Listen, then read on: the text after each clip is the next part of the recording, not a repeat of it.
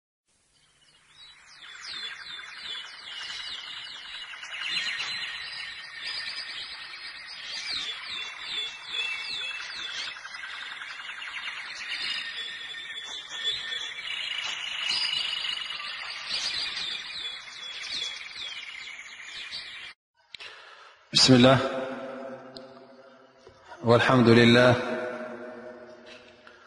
والصلاة والسلام على رسول الله وعلى آله وصحبه وسلم ومنواله خبركم أحوت خبرك أحت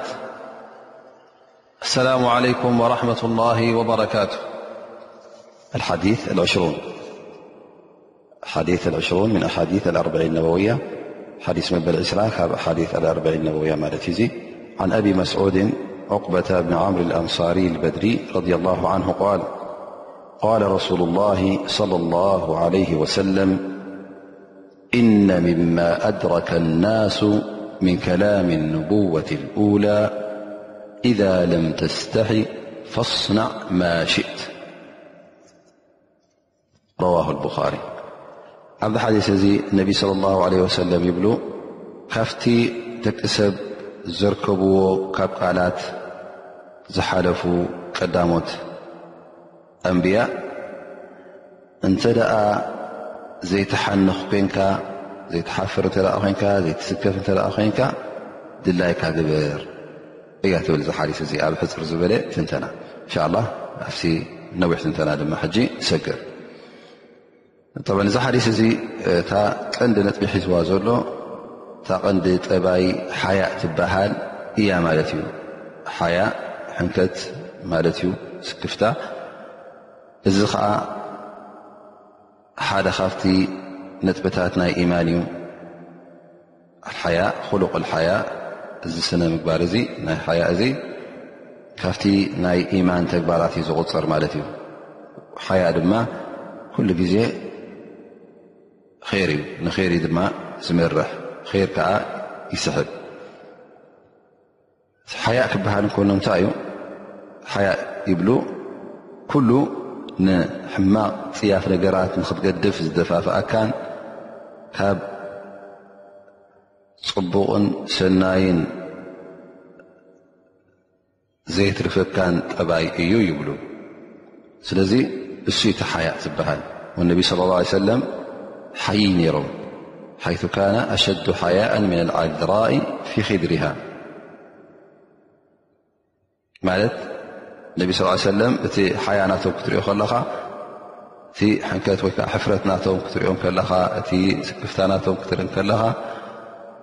ዝያዳ ካብ ተን ደቂ ኣንስትዮ ጌና ኣዋልድ ዘይተመርዓዋ ካብእን ዝሓንኩ እዩ ዝመስለካ ነይሩ ማለት እዩ ስለዚ እዚ ሓያ እዚ እቲ ካብ ሰናይ ዘየትርፈካ ካብ ኩሉ እከይ ዘብኡውን ዘርሕቐካ ኣድላይ ጠባይ ይኸውን ማለት እዩ እዚ ጠባይ እዚ እውን ጠባይ ናይቶም መላካ እዮም መላካ ሓያ ገብሩ እዮም ከማ ቃል ነቢ ስ ሰለም ኣላ ኣስተሒ ምን ረጅሊን ተስተሒ ምንሁ መላካ እዚ ንመን እዩ ንዑስማን ብን ዓፋን ከምዚ ኢሎም ማለት እዩ ኣነስ ካብቲ መላእካ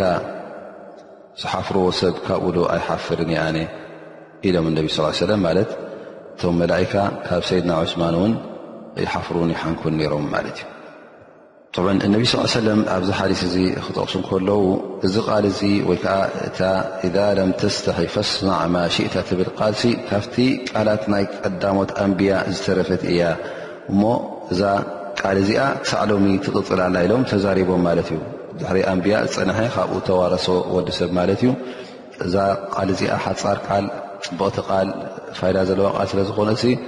ወላ ኣብቲ ግዜ ጃህልያ እውን ትስማዕ ነይራ ማለት እዩ እዚ ነገር እዚ እውን እቶም ኩሎም ኣንብያ ሓያ ምግባር ሓያ ኣድላይ ከም ምኳኑ ነዚ ነገር እዚ ተገዲሶም ሓቢሮምሉ እዮም እንታይ ማለቶም እ ነቢ ስ ሰለም ኢዛ ለም ተስተሒ ፈስናዕ ማሽእት ዑለማ ነዛ ነገር እዚኣ ብሰለስተ ትንተና ተንቲኖማ ማለት እዩ ቀዳማ ኢሎም እዚ ታህዲድ እዩ መጠንቀቕታ እዩ ማለት እነቢ ስ ሰለም የጠንቅቑ እዮም ዘለዉ ተ ሓያ ዘይብልካ ኮንካ ድላይካ ግበር ይብልካ ኣለዉ እሞ ድላይካ ግበር ማለት ተፈቒዱካ ማለት ኣይኮነን እንታይ ደኣ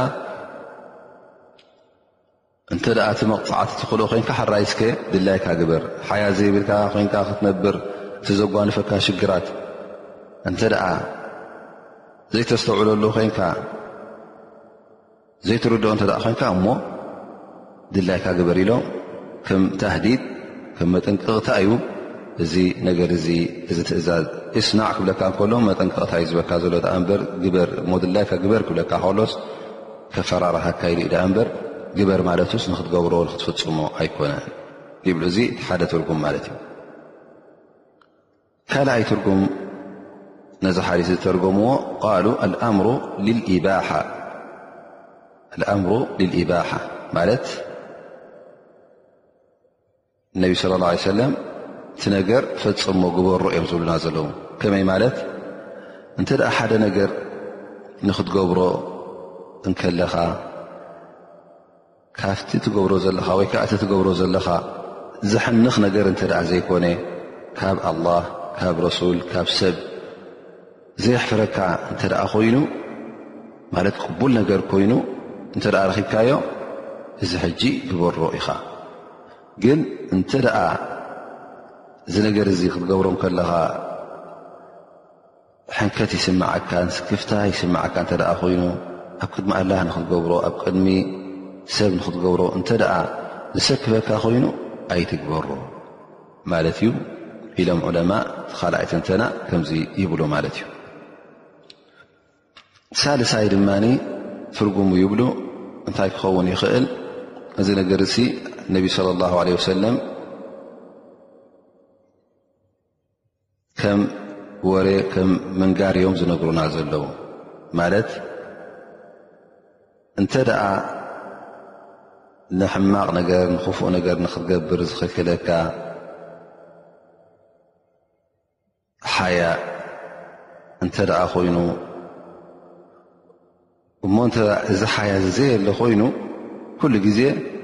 ኣብቲ ማዕስያ ኣብቲ ሕማቕ ነገርሲ ክትቅፅል ኢኻ እዮም ዝብልኻ ዘለዎ ማለት እዩ ስለዚ ሓያ ግበር እተ ሓያ ዘየለ ኮይኑ እንታይ እዩ ዝኽልክለካ ነገር የለን ስቑኢልካ ክትቅፅል ኢኻ ኢሎም ይጠቕሱ እዮም ዘለዉ ማለት እዩ ስለዚ እቲ ሓያ ኣድላይነት ከም ዘለዎ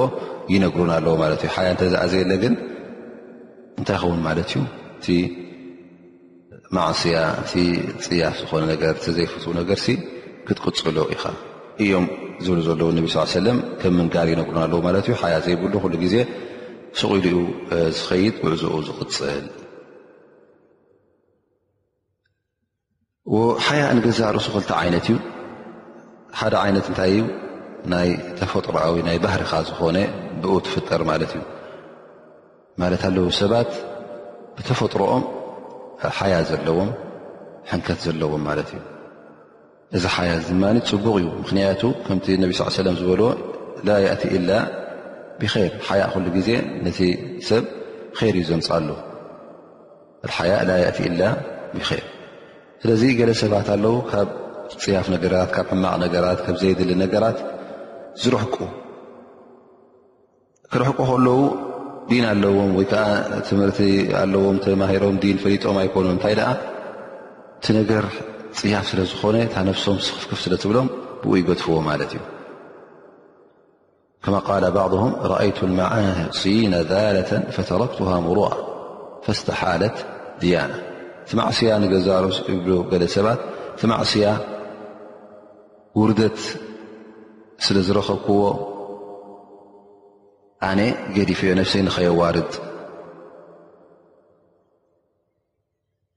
ክብሪ ነፍሰይ ምእንቲ ክሕሉ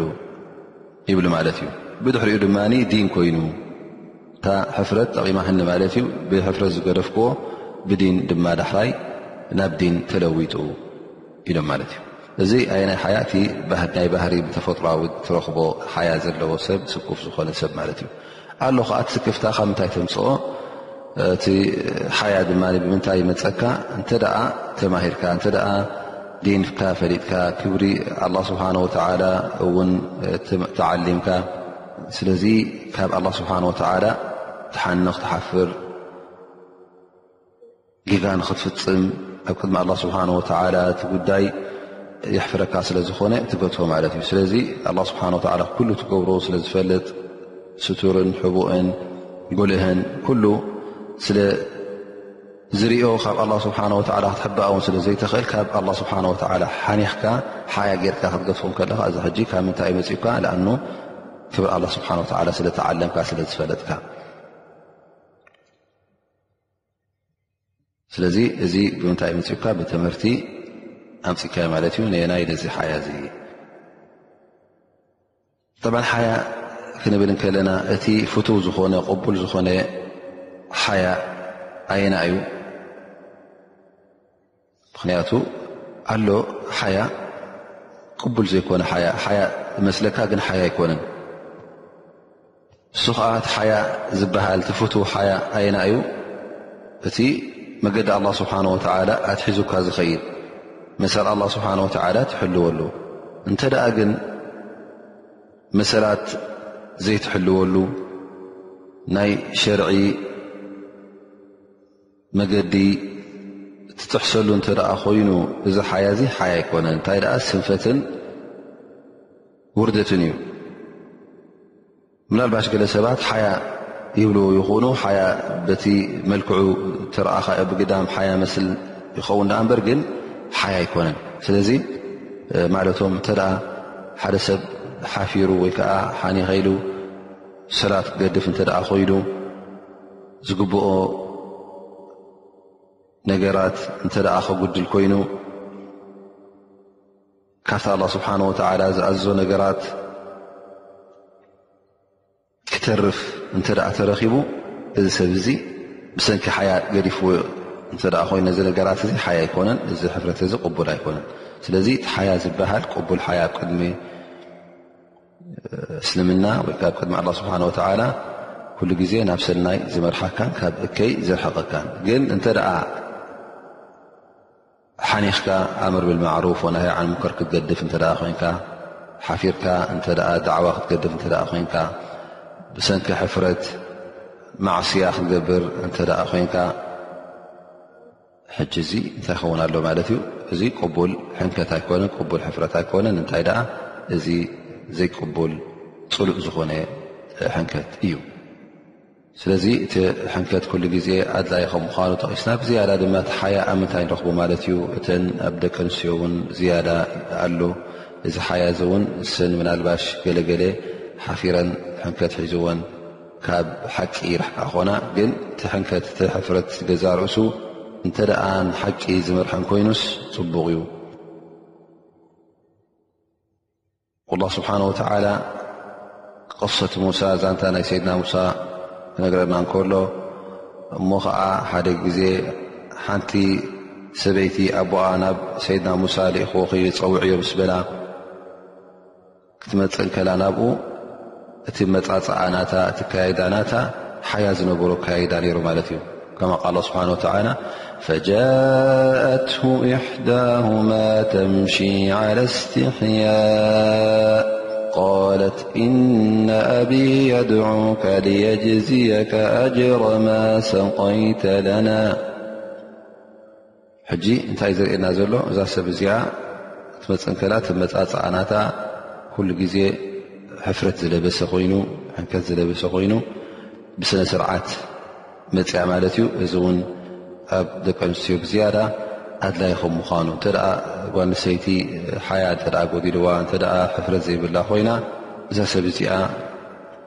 ናብ ጌጋ ክትወድቕ ቐረባ ትኸውን ማለት እዩ። እሰን እውን መብዝሕተን እተን ደቂ ኣንስትዮ ጓል ኣንስተይቲ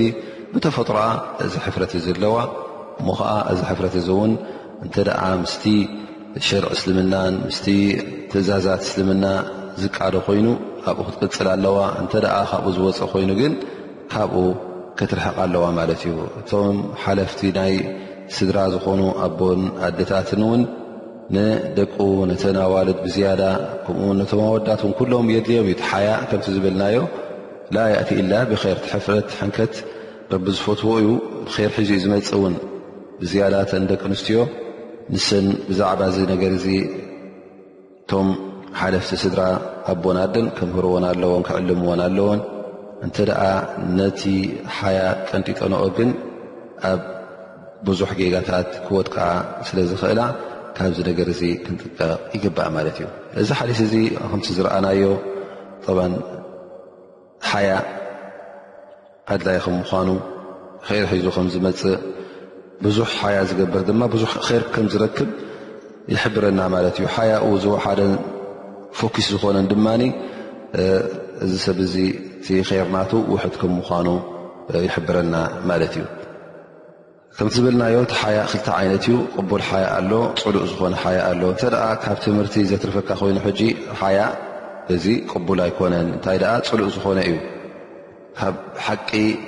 ምፍላጥ ካብ ሓቂ ዘርሕቐካ እተ ኮይኑ እዚ ሓያ እዚ እዚ ሕፍረት እዚ ቅቡል ኣይኮነን ከምቲ ዝበልናዮ